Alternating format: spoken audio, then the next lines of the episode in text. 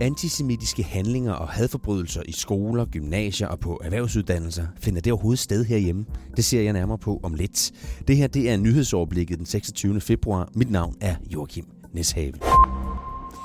Jeg lægger ud med de seneste nyheder. Alternativets hovedbestyrelse holdt i aftes et møde efter, at anonyme kilder til avisen Information i weekenden beskrev en række episoder, hvor politisk leder Josefine Fox skulle have overfuset folk i partiet.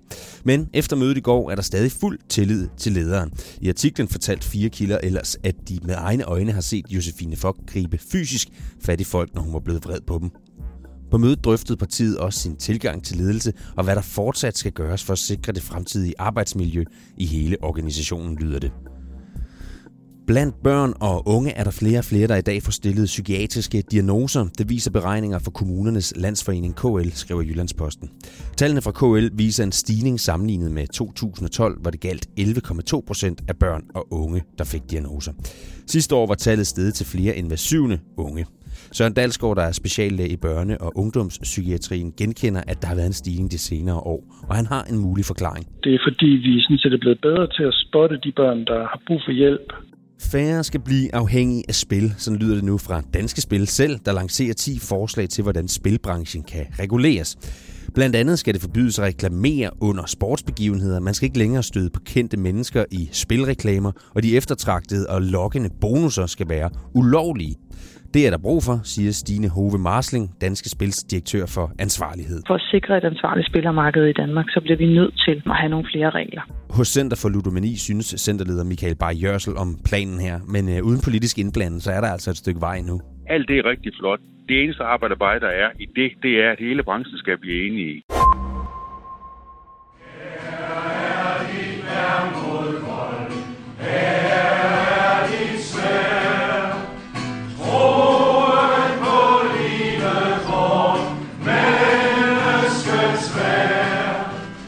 Sådan her lød det tilbage i november på Randers Rådhus. Her var byens borgere mødt op i hundredvis for at udvise solidaritet til det jødiske samfund her i landet. Det skete efter, at der var begået herværk mod over 80 jødiske gravsten på en kirkegård i kommunen et par dage forinden. Men det er ikke kun i Randers, at antisemitisme og anden diskrimination mod religiøse minoriteter finder sted. Det siger børne- og undervisningsordfører fra Venstre, Ellen Trane Nørby. Vi har set eksempler igennem det seneste halve år på børn, der simpelthen er blevet mobbet og chikaneret ud af skolen på baggrund af øh, tro og øh, med meget klart sådan antisemitisk overlæg. Og vi har set øh, jøder, der har oplevet gule jødestjerner på deres postkasser i Danmark og hun vil derfor have justitsminister Nick Hækkerup og børne- og undervisningsminister Pernille rosenkrantz Tejl i samråd i dag for at svare på, hvad der bliver gjort for at komme det her til livs. Hvad er det øh, for undervisning i holocaust, vi ser i andre lande?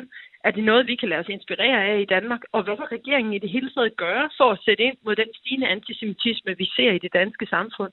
Og det er vigtigt her i 75 år for holocaust, at vi ikke glemmer historien, men at vi sørger for, at vi sådan set sikrer, at alle kan leve i fredelig sameksistens i det danske samfund.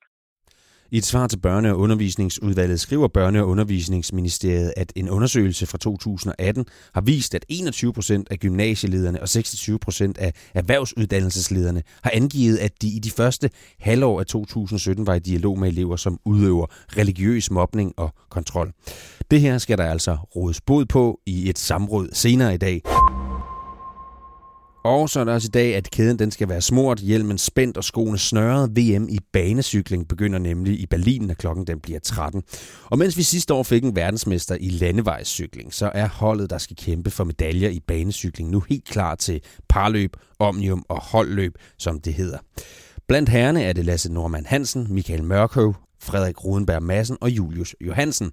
Hos kvinderne Amalie Didriksen, Julie Let og Trine Schmidt der skal afsted. Og det er altså en stor begivenhed, de går ind til. Det har enormt stor betydning. Det er jo uden sammenligning det største mål hver år på nær i OL-året.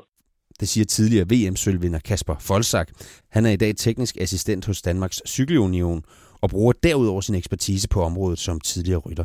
Og han spår altså danskernes chance for medaljer som rigtig gode. Vi har jo europamestrene i et par løb, både hos øh, mændene og og kvinderne, og jeg synes, at især Lasse Norman Hansen og Michael Mørkøv øh, ligner nogle af de absolute topfavoritter, og Amalie Didriksen og Julie Let er, er helt klart også øh, blandt øh, favoritfeltet. Og en ting er det medaljehåb, der er her ved VM. En anden ting er, hvad VM også kan føre til, siger Kasper Folsak. Der er selvfølgelig også noget olympisk kvalifikation, der skal falde på plads. Heldigvis har rytterne kørt enormt godt i, i de foregående øhm, kvalifikationsløb, så jeg er rigtig fortrøstningsfuld for, at vi nok skal kvalificere os i alle de discipliner, vi satser på til OL, hvilket er fem discipliner, tre hos herrerne og to hos kvinderne. Henholdsvis øh, holdløb, parløb og omnium hos herrene og parløb og omnium hos kvinderne. Og så tre øvrige historier, du kan holde øje med i dag. I Folketinget skal en række lovforslag behandles, blandt andet et, som DF står bag, der handler om afvisning af asylansøgere ved grænsen. Og så er der lagt op til møde mellem giganter i fodboldens verden. Manchester City og Real Madrid mødes i 8. i Champions League, ligesom Lyon og Juventus gør det. De musikglade kan se frem til uddelingen af Gafferprisen 2020. Det sker i Aarhus og er blandt andet årets udgivelse, band og solist, der bliver kåret. Af vejret kan vi forvente lidt eller nogen sol, men også spredte byer med slud eller tøsne de fleste steder i landet. Temperaturer op til 2 og 5 graders varme, og vinden bliver let til frisk. Mit navn det er Joachim Neshave. God